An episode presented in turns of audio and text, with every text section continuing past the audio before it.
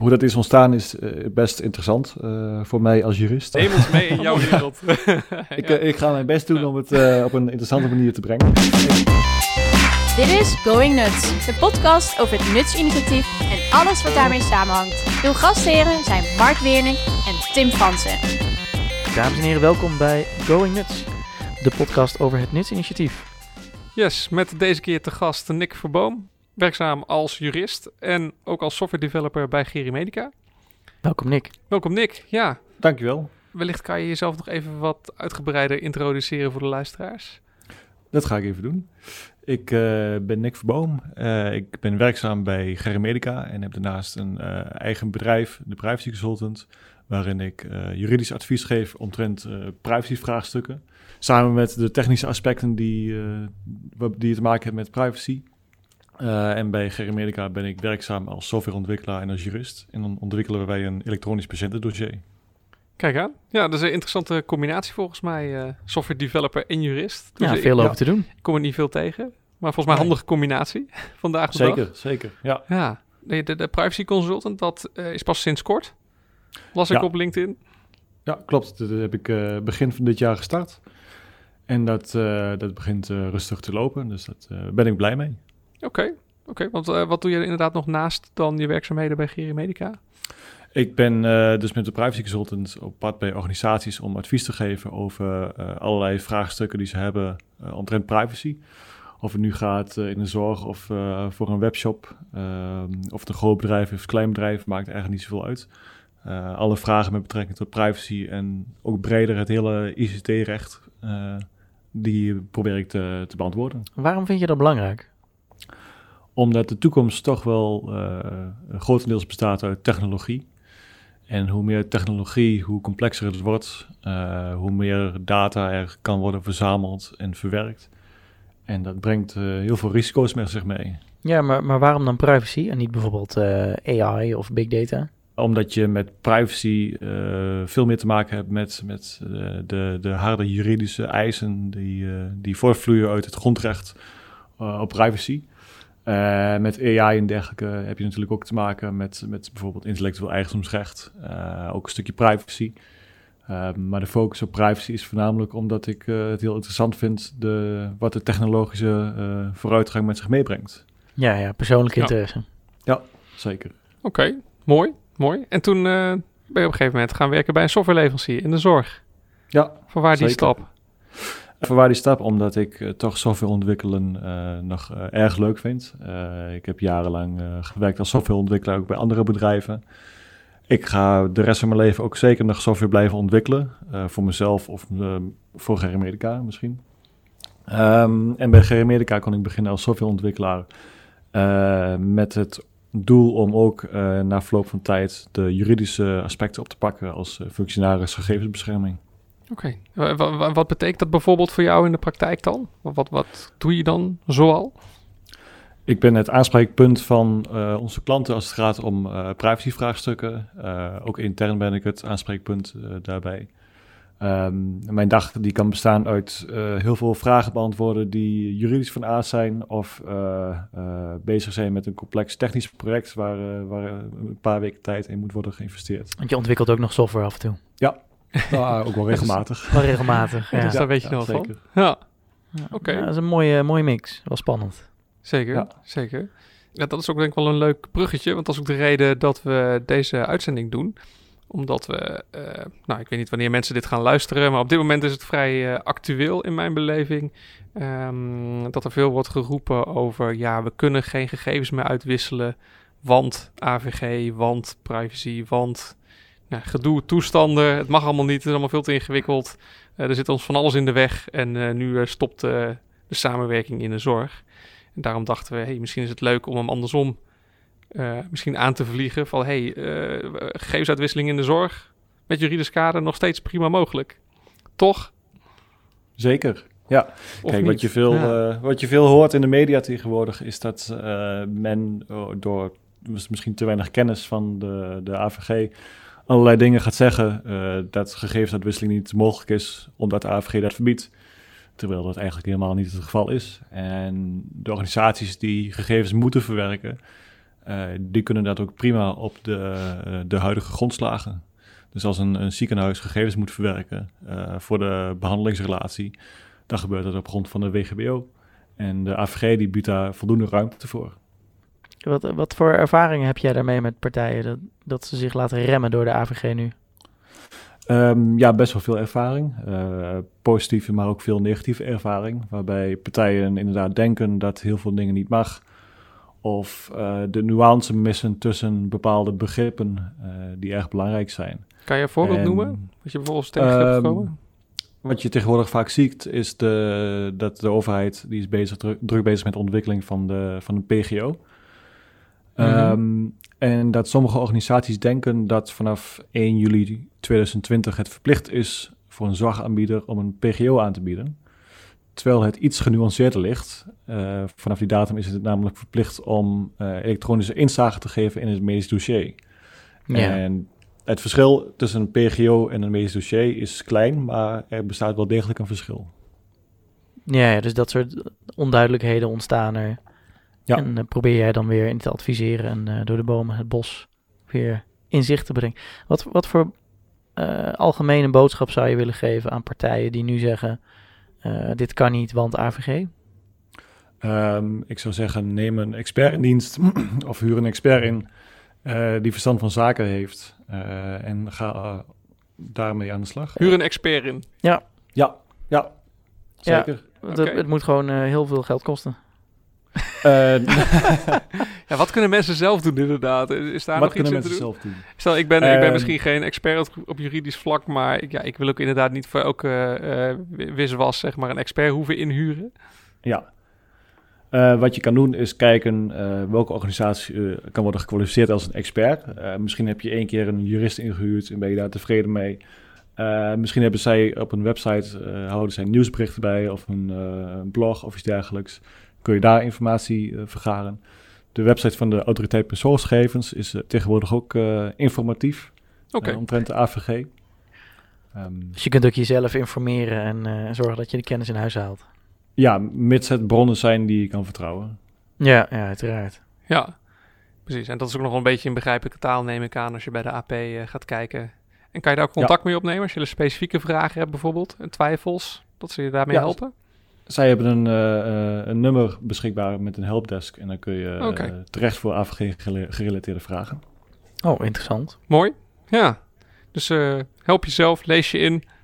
En in het ergste geval, als je het niet uitkomt, kun je altijd nog een expert inhuren. Ja, op ja, Belnik. Klopt. Of bel Nick. Bel privacy consultant. Ja, ja, ja precies. Ja, ja. Is het wat sluikreclame? Een beetje reclame. Okay, nee. Het was geen sluikreclame, dit was heel, heel duidelijk. ja. ja. Daar gingen we niet moeilijk Evidente reclame. We hebben het even gehad over de WGBO en de AVG. Ja. Dan kom je eigenlijk ook al een beetje op het vlak van uh, de wetgever. Wat vind jij daar eigenlijk van? Want de overheid bemoeit zich op dit moment best wel nu met uitwisseling in de zorg. Ja, daar kun je iets van vinden. Ik ben wel benieuwd Zeker, wat, wat ja. jij daarvan vindt, vanuit jouw perspectief.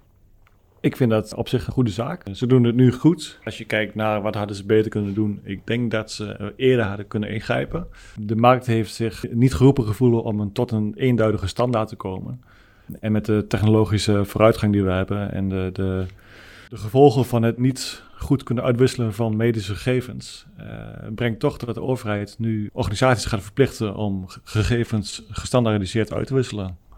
En dat vind ik een goede zaak. Ja, dan heb je het over de brieven van Bruins. Ja, klopt. Okay. Hoe zie jij de rol van, uh, van Nuts hierin? Is dat iets wat de overheid eigenlijk had moeten doen? Is dat he, he, eindelijk de leveranciers staan op en gaan ook wat doen? Hoe, hoe kijk jij daarnaar? Ja, de kern van een probleem is natuurlijk die standaardisatie van de uitwisseling van medische gegevens. Als dat geregeld is, ben je er echter nog niet. Dan moet je nog uh, gaan nadenken over zaken als hoe autoriseer ik iemand tot het versturen van een medisch bericht? Uh, hoe zorg ik dat de juiste gegevens worden gelogd? Uh, hoe zorg ik dat de beveiliging in orde is? Al deze randvoorwaarden, daar speelt nuts een hele grote rol in. Oké, okay, dus je maakt even een knip hier uh, tussen... Wat je gaat delen met elkaar. Ja, maar ook wat, wat de overheid eigenlijk aan het verplichten is. Dus de, de standaarden, de inhoudelijke datastandaarden... en hoe die standaarden vervolgens van A naar B gaan. Ja, zij hebben ook nagedacht over bijvoorbeeld het autorisatiemodel... Niet zodanig als de inhoudelijke gegevens. En ik weet ook nog niet zeker wat daar precies uit gaat komen. Dat moet nog blijken. Uh, dus ik hoop dat er snel een duidelijkheid over, over komt. Ehm, maar inderdaad, als je kijkt naar, naar nuts, uh, wat zij doen, dat is het uh, kijken hoe uh, mensen kunnen inloggen in bijvoorbeeld een patiëntendossier. zorgen dat je de goede autorisaties hebt op een privacyvriendelijke manier. Dat is iets wat ik denk niet zo hard wordt geregeld als de inhoudelijke uitwisseling. Dat blijft een beetje achter, bedoel je? Ja, dat denk ik wel. Dat moet nog blijken, maar dat is een Is dat voor jullie ook een reden geweest om vanuit Gerimedica te zeggen... dat is waarom we mee gaan doen met nuts? Want dat, dat vinden we achtergebleven gebied. Ook, uh, maar ik denk dat het belangrijkste is dat wij in nuts toch wel een systeem zien dat uh, veel nut kan hebben. Niet alleen voor het snel uitwisselen van gegevens en het faciliteren daarvoor, maar ook nog dat het op een heel erg privacyvriendelijke manier gebeurt. Ja, dat sluit ook bij jouw rol aan. Zeker, daar, daar word ik wel blij van inderdaad. Ja. Ja, precies. Want in dit kader kunnen we ook nog wel even weer teruggaan naar ons oorspronkelijke thema van de, deze podcast. Uh, dat juridisch kader. Want dat zal, ik weet niet wie jullie ervaring dat ook is, maar als je nu gegevens wil uitwisselen met een andere partij, dan zul je vast eerst allerlei afspraken moeten maken. He, van ja. uh, moeten we dan, uh, wie is die andere partij? Kennen we die? Hebben we daar een overeenkomst mee op de een of andere manier? Hebben we daar de beveiliging mee geregeld? En ik kan me voorstellen dat daar ook wel veel partijen nu mee worstelen. En dan kom je een beetje op het terrein natuurlijk waar we vanuit nuts in zitten. Dan zeggen, zou je dat niet anders kunnen oplossen, zodat je niet al dat juridisch gedoe hebt, als ik dat even zo mag zeggen. Ja, hoe hoe nou kijk ja, jij daarnaar? Juridisch gedoe heb je denk ik altijd, uh, zeker bij nieuwe technologieën. En er moet inderdaad uh, een oplossing komen voor uh, bijvoorbeeld een adressenboek. Als wij als Gerimedica gegevens naar bijvoorbeeld een, een, een, huisarts of een ziekenhuis zouden moeten sturen. Dan willen wij wel weten wat bijvoorbeeld het IP-adres is van het ziekenhuis en dat het het juiste IP-adres is. En dat degene die het verstuurt het ook daadwerkelijk mag versturen. Ja. Hoe ga je die, dat vertrouwen dan borgen, zeg maar? Ja. Ja, ja, en daar zijn natuurlijk ook allerlei uh, regels voor al op dit moment, uh, ook vanuit Europa. Um, en als je dan kijkt naar wat biedt de overheid op dit moment in de vorm van DigiD, dan, voldoet, dan voldoet dat nog niet aan, aan ook de eisen die Europa stelt. Terwijl wij met nuts alles zelf in de hand kunnen houden. Enerzijds omdat het een, een, stichting is waar wij deel van uitmaken. En anderzijds omdat het open source wordt gemaakt. Ja. Ja, dus je kunt meer regie pakken. Ja, en daarmee klopt. je verantwoordelijkheid pakken als hoe zei dat ook weer, Mark, als uh, verwerker? Ja. Ja. Ik was ook nog wel even benieuwd. Dat kwam ook net. Ik stelde zelf ook de vraag natuurlijk, maar ik dacht wel van, hey, zou je dan ook minder gedoe kunnen hebben in de aansluiting tussen verschillende softwarepartijen als je gebruik maakt van die nutsvoorzieningen? Ja, gaat het leiden tot minder papierwerk. Ja, precies. Heel praktisch gezien inderdaad. Want dan, daarmee zou je ook wat drempels kunnen wegnemen. Want we hebben het uiteindelijk om gewoon juridische drempels misschien... of risico's of angsten weg te nemen ja. bij vooral ook zorgorganisaties. Zeker. Uh, kijk, mijn doel als uh, uh, FG en, en, wat ik in de praktijk hier doe... is het wegnemen van de, de juridische obstakels die, die hier vormen. Um, en als je kijkt naar wat Nuts moet doen, uh, dan moeten zij ook kijken naar hoe kunnen wij, hoe kan Nuts ervoor zorgen dat de juridische problemen waar mensen nu mee te maken krijgen in organisaties, dat dat zoveel mogelijk al geregeld kan zijn. En er, zullen altijd, er zal altijd papierwerk moeten worden ingevuld. Uh, dus dat kan nooit helemaal worden uh, weggemoffeld als het ware. Mm -hmm. Maar je kan natuurlijk wel kijken naar wat kunnen wij allemaal doen om het zoveel mogelijk te beperken. Wat denk je dat bijvoorbeeld niet meer nodig zal zijn? Stel dat, uh, we hebben het hier over, uh, als voorbeeld hadden we deze tijd, een ziekenhuis en een, en een thuiszorgorganisatie. En beide leveranciers of meerdere leveranciers aan beide kanten maken gebruik van nutsoftware om elkaar te vinden en elkaar te vertrouwen met de data. Wat ja. voor dingen hoef je dan ineens niet meer te doen, die vandaag misschien wel heel gebruikelijk zijn en ook veel gedoe opleveren? Nou, op dit moment zal elke softwareleverancier zijn eigen autorisaties en toegangsbeleid moeten beheren. Uh, die, ze moeten uh, weten waar pakketjes heen naar wo moeten worden gestuurd. Uh, al dat soort zaken, dat, worden, dat kan door nuts worden geregeld. Ja, maar met dat je het standaardiseert, zou je natuurlijk ook kunnen certificeren. Dat kan, ja. En dan zou je daarna kunnen verwijzen in je, in je overeenkomsten. Hm. Ja, dat klopt. En dan heb je natuurlijk wel weer een klein stukje juridisch uh, onderzoek daarvoor nodig. Maar uh, ja, op het moment dat bepaalde aspecten gestandaardiseerd zijn en uit handen zijn genomen van uh, softwareleveranciers en bij Nuts liggen, en dat door Nuts goed geregeld is, ja, dat zorgt natuurlijk wel voor tijdwinst bij die softwareleveranciers. Mag ik dat vertalen nadat je dan zegt, dan laat je één keer eigenlijk het, het nutsgedeelte auditen, zeg maar, om in dat soort termen te spreken. En dan hoeft dan niet elke zorgorganisatie voor zich dat te doen, maar dat doe je dan eigenlijk één keer. Of elke ICT-leverancier. Of, of elke ICT-leverancier, sorry, die daar Ja. gebruik van maakt. Eens. Ja. Ja. Enerzijds kan het natuurlijk zijn dat de overheid eh, er een stempel op gaat drukken. Eh, die die kan, dan kan zeggen, nuts is een eh, veilige implementatie eh, voor dit soort zaken. Anderzijds kan het natuurlijk zo zijn dat de markt op een gegeven moment gaat zeggen... eh, dat zijn nuts goed vertrouwen en dat het blijkt uit de praktijk. Ik vind het ook wel een mooi br- bruggetje terug naar die, die brief van, van Bruins. Ja. Die eigenlijk zegt, we gaan uiteindelijk ehm, ook marktstandaarden, als ze al breed geadopteerd zijn, dan gaan we ze pas eh, verplichten. Ja, als ze Ja. bewezen zijn en geadopteerd. Ja. Ja. Eh, zou wat jou betreft Nuts een actievere lobby moeten hebben naar de overheid ehm, om dit soort dingen te helpen beïnvloeden? Wat voor rol zouden we daar moeten spelen, zou, jij, zou je zeggen? Ehm actievere weet ik niet. Ik weet niet precies hoe actief Nuts op dit moment bezig is. Ehm, maar er ligt natuurlijk wel een kans omdat de overheid voornamelijk het inhoudelijke wil gaan regelen. En niet de randvoorwaarden. Dus als Nuts laat zien dat zij eh, in de praktijk en in de theorie allerlei zaken goed in orde hebben. Ja, dan liggen daar zeker kansen voor. Ehm, en dan moet, is het doel van Nuts om in het, in het oog te springen van eh, de softwareleveranciers, van de zorgaanbieders. eh, om zich tussen de, de andere eh, te, te wurmen. Ja, dus te beginnen eigenlijk bij laten we maar zorgen dat er adoptie is binnen die eh, leverancierscommunity. Zeker. Dus dan geldt eigenlijk hetzelfde als voor die uitwisselingen. Laat het eerst maar eens zien. En Als Ja, het dan breed geadopteerd is en het voldoet aan eh, nou, de eisen die we met elkaar daaraan stellen, dan zou je dat verplicht kunnen stellen. Ja. Of in ieder geval of kunnen zeggen dat is een goed idee. Ik, ik, weet- ik, ik weet niet of ik verplicht altijd ik het juiste, de juiste weg vind. Eh, Ja. Maar je zou in ieder geval kunnen roepen, dit is een goed idee. ja liever Zo min mogelijk verplichten natuurlijk, Ja, wat mij betreft. Eh, Ja, je kan natuurlijk eh, alles parallel doen. Dus je kan eh, zelf naar de markt gaan kijken en zeggen wij zijn goed bezig en laat ons eh, dit eh, toetsen. En tegelijkertijd met de overheid in gesprek eh, hoe zij eh nuts kunnen ondersteunen. Ja, de, de brief waar we het net al even over hadden, eh, daar, daar, daar wordt ook in gesproken over eh, specifieke toestemming. En dat lijkt Ja. nu een beetje van de baan. Eh, kun je iets vertellen over hoe dat zo ontstaan is en wat het überhaupt is? Eh, het is niet een beetje van de baan, het is helemaal van de baan. Ehm, hoe dat is ontstaan is eh, best interessant eh, voor mij als jurist. Ehm, er is een... eh, oh, mooi. Hopelijk voor de neem, ons, ook. neem ons mee in jouw Ja. wereld. ik, Ja. ik ga mijn best doen om het eh, op een interessante manier te brengen. Ja. Ehm, er was ooit eens een idee van de overheid om ehm, eh, regels te stellen eh, voor elektronische gegevensuitwisseling in de zorg. En daar is een wet voor gekomen. Eh, de wet aanvullende bepalingen verwerking persoonsgegevens in de zorg.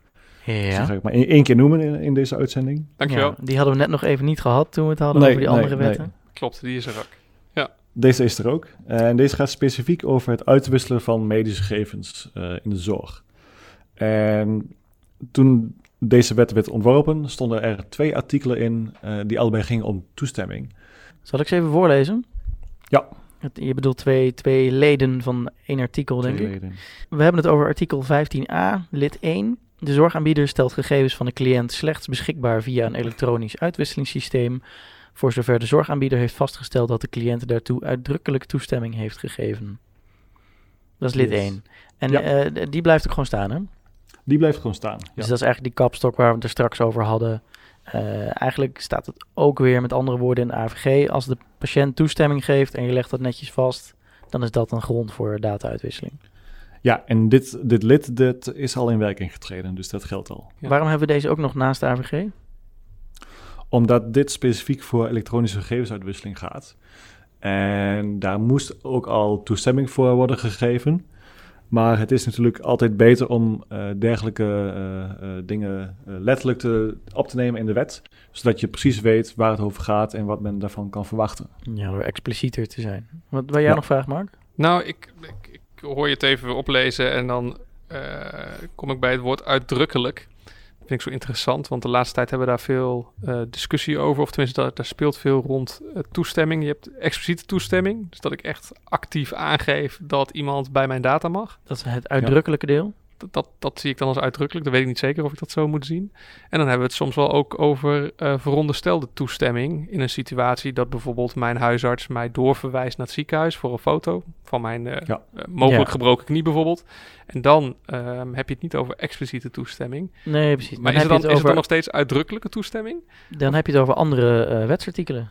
Oh, dat ga- Ja. Daar gaat dit gewoon niet over. Nee, dit Dat staat gaat daar gewoon los van. Ja. Nee. Ah, oké. Nee, waar de, waar de veronderstelde toestemming eh, eh, in staat, dat is de, de WGBO. En dat, eh, dat bestaat al eh, vele jaren. Die is daar Dus al in geregeld. Ja, dus dat gaat Oh, inderdaad over dat als je wordt doorverwezen van de ene zorgaanbieder naar de andere, dat daar al toestemming in zit gebakken. Dus die wordt verondersteld. Maar zou daar ook een beetje de verwarring ontstaan? Want ik lees dit ook inderdaad. En er staat gewoon zwart op wit. Als je gegevens elektronisch wil uitwisselen, moet er uitdrukkelijke toestemming zijn. Ja. Is, Nou, het is op zich duidelijk.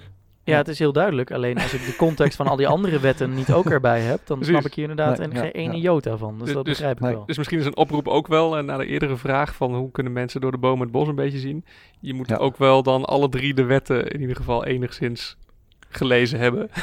om het En weten hoe deze, ja, zeker. En weten hoe deze Ja. drie tot elkaar verhouden. En dat, Precies. dat een, een Ja. wet die iets heel specialistisch regelt, voorgaat op een wet die iets heel generaals eh, of iets algemeens ge- regelt. Ja, precies. gedoe Ja. allemaal.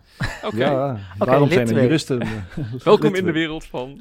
We gaan door met eh, artikel 15a lid 2. Yes. Eh, dit is dus het, het spannende stukje.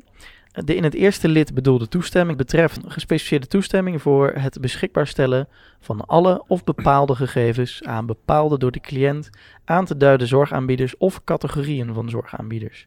Wat, wat betekent dit? Dit betekent dat eh, de toestemming die in lid 1 staat gespecificeerd moet zijn. En dat betekent dat de patiënt moet kunnen kiezen ehm, welke categorie van, eh, van zijn medische gegevens naar welke categorie van eh, zorgaanbieders eh, wordt gedeeld. Ja. Dus op het moment dat, eh, dat je gegevens wilt uitwisselen met de, met de fysiotherapeut, dan is de fysiotherapeut die valt onder de categorie zorgaanbieders. En dan kun je als patiënt nog, of dan zou je als patiënt nog kunnen kiezen, eh, wil ik een bepaald deel van mijn gegevens uitwisselen en wil ik misschien niet mijn eh, psychologisch eh, dossier uitwisselen met de fysiotherapeut. Ja, en dan Ja. komen we terug bij, bij het verhaal wat je aan het vertellen was. Want dit is het stukje dat geschrapt is, hè? Ja, de, geschraptheid is nooit in werking getreden. Eh, Oké. Het plan was om, om dit eh, volgend jaar in werking te laten treden. Ja, En want dat ik- betekent- ik snap ook niet zo heel erg goed wat het, het nut en de functie van dit lid is. Want we hebben natuurlijk Nee. andere algemenere wetten die eigenlijk hetzelfde zeggen. De AVG zegt ook je moet data zo minimaal eh, mogelijk delen.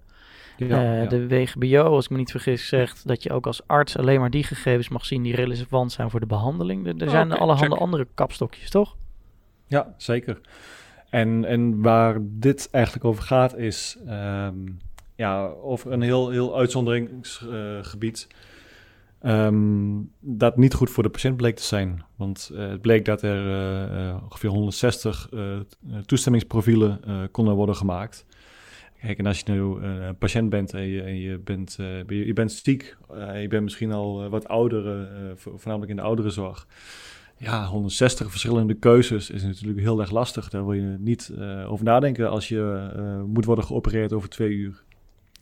Ja, oké, dat, dat ben ik met je eens. Maar ik lees deze ook een beetje zo van, nou, als ehm, je hebt het over oudere mensen, dus laten we zeggen de thuiszorgmedewerker eh, vraagt aan mevrouw Jansen, vindt u het goed dat we gegevens delen met de huisarts?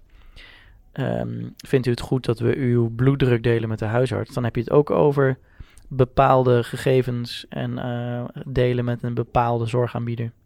Ja, Dus dan zou je toch ook al voldoen aan dit lid?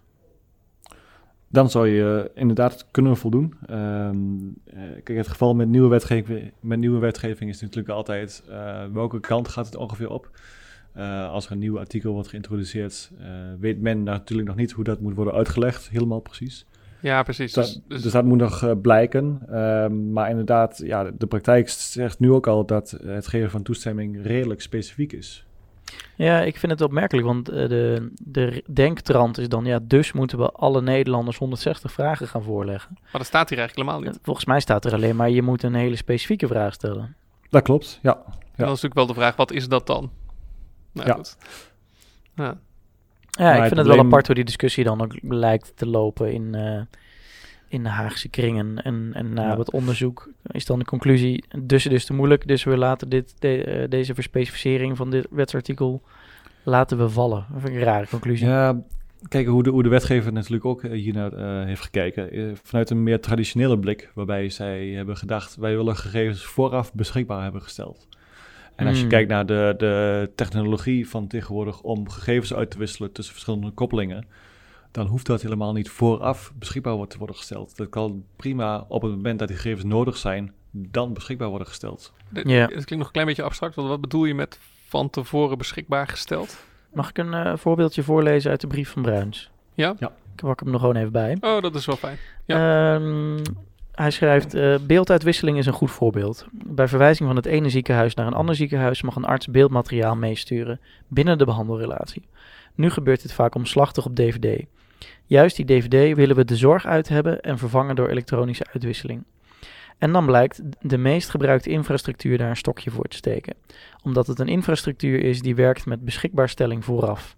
Dan moeten de patiënten, om dit ene geval de DVD te vervangen door elektronische uitwisseling, toestemming geven voor alle beelduitwisseling tussen alle ziekenhuizen. Dat is een onwenselijke situatie en bovendien staat de AVG het niet toe. Ja. Maar ehm, wat, wat de minister dus eigenlijk zegt is, eh, de architectuur klopt dan niet. Want Klopt. het mag al binnen de behandelrelatie. En op het moment dat je het beschikbaar stelt vooraf voor alle ziekenhuizen, dan overtreed je bij de AVG. Ja, niet alle ziekenhuizen hebben natuurlijk eh, dat beeldmateriaal nodig. Alleen het ziekenhuis waar je de behandeling ondergaat. Ja, precies. En als dan blijkt dat de technologie het niet mogelijk maakt om het tot één ziekenhuis te, be- te beperken, ja, dan stapt de AVG weer in en die zegt, ja, dan mag het helemaal niet. Yes. En je zei dus net van, De- en het, het- er zijn nu technische mogelijkheden om er, wel op aanvraag gegevens beschikbaar te krijgen. Ja. Maar dat die mogelijkheden er zijn, wil nog niet zeggen dat de, de softwareleveranciers waar het eh, in dit verhaal over gaat, dat al ondersteunen. Ik vind het wel een mooi bruggetje eigenlijk naar onze eh, laatste vraag. Ehm, want we hebben al best wel eh, aardig veel dingen besproken. En onze laatste vraag is eigenlijk bijna altijd een beetje dezelfde vraag. Eh, wat zou je dan tegen die andere leveranciers, die andere partijen willen zeggen? Wat voor oproep zou je willen doen in deze podcast? Ik zou zeggen, praat met mensen van Nuts. en Kijk naar de, de, de praktijkoplossingen die zij bieden. Ehm, dat het toch heel erg in- innovatief is wat zij doen. Ehm, en dat alles open is en niet achter gesloten deuren eh, wordt gehouden. En dat je op die manier toch als softwareleverancier en als zorgaanbieder eh, in controle blijft. Nice. En nu hopelijk ook kunt voldoen aan alle wetgeving. Ook zeker, ja. ja. Daar hadden we het vandaag over. Ik vond het Ja. weer een, eh, een hele mooie, mooie podcast vandaag. Kun jij nog een poging doen een klein beetje dit samen te vatten, beste Mark? Ha, oh, nou, mag ik dat doen? Ja, Wat- ik splits hem jou wat- in de maag. Wat heb ik geleerd? Succes. Wat heb jij geleerd vandaag? Nou, wat ik heb geleerd is dat je ondanks, of ja, misschien niet ondanks, misschien ook wel dankzij eh, het feit dat we best al veel beschreven hebben in wetten en verordeningen, dat er toch nog steeds heel veel mogelijk is eh, aan gegevensuitwisseling in de zorg. Mhm. En sterker nog, dat het je juist misschien wel in staat stelt om op een mooie manier gegevens uit te wisselen in de zorg. Ja. Dat je daarbij rekening moet houden met toestemming, eh, al dan niet expliciet, van de betrokken persoon die de zorg ondergaat. En dat daar ook allerlei eh, mogelijkheden nog steeds voor zijn om dan gegevens uit te wisselen. Ik zie eigenlijk dus heel veel kansen om dat te gaan doen. En de, de oproep aan leveranciers om daar dus gebruik van te maken. En als je het er even niet uitkomt, zoek het even op op internet. Ja, En de AP is je beste vriend. En anders Ja. heb je eh, Nick, de privacy specialist, die ook wel verder wil helpen. cool. Ja, goede Nou, samenvatting, zou ik zeggen. Ik vind het helemaal mooi. Eh, Nick, mogen we jou van harte bedanken voor deze podcast. Zeker. En Ja. jullie ook bedankt. Heel fijn dat we Ja, heel graag gedaan. dit mochten doen samen. En eh, ik zou zeggen tegen onze luisteraars, eh, go nuts. Go nuts. Dit was Going Nuts. Wil je bijdragen aan deze podcast? Stuur dan een mailtje naar podcast.nuts.nl. Tot de volgende keer.